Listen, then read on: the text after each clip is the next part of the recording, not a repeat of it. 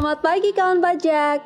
Kembali lagi di podcast Pamarku bersama saya Zedet Ariestika dan saya Alawiyah Yusuf disiarkan dari lantai 16 kantor pusat Direktorat Jenderal Pajak. Semoga kawan pajak semangat selalu ya, apalagi di bulan Agustus ini nih, negara kita merayakan Hari Kemerdekaan yang ke-78. Semoga semangat kemerdekaan menyertai kita semua ya. Selain itu, jangan lupa nih kawan pajak untuk tetap menerapkan 3S. Pertama senyum, Kedua sehat, dan ketiga semangat. Menteri Keuangan mencatat realisasi penerimaan pajak pada semester 1 tahun 2023 mencapai 970,2 triliun rupiah. Angka ini meningkat sebesar 9,9 persen secara tahunan.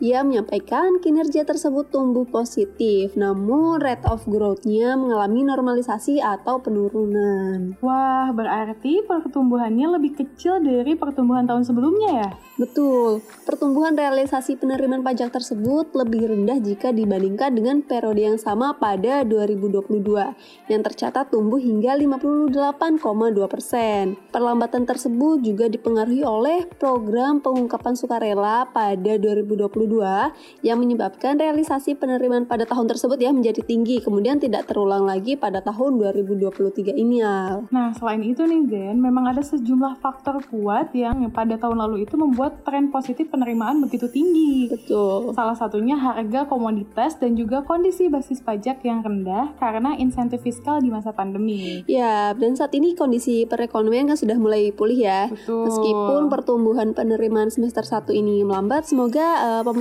tetap ya dapat bekerja secara optimal untuk mengumpulkan penerimaan hingga akhir tahun ini. Harus tetap optimis dong dan tentunya bekerja keras untuk memaksimalkan penerimaan negara ya untuk sebaik-baiknya kemakmuran rakyat karena pajak kita untuk kita.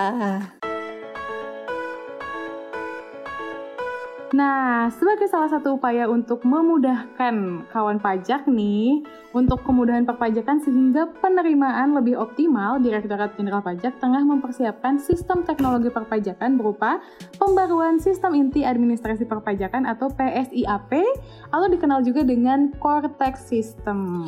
Akan ada apa nih Al dari Cortex System ini?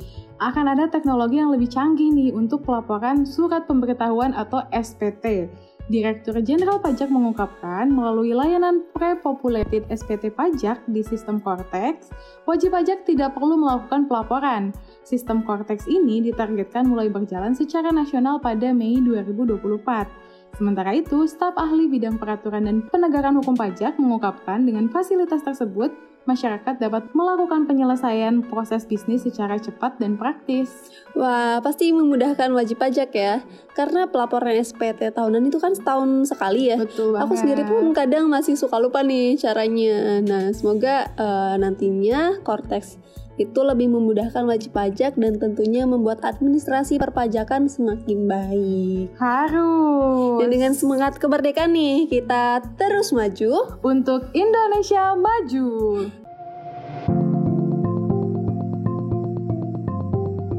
Terima kasih kawan pajak dan semua kawan pajak yang sudah mendengar berita pamarku di minggu ini.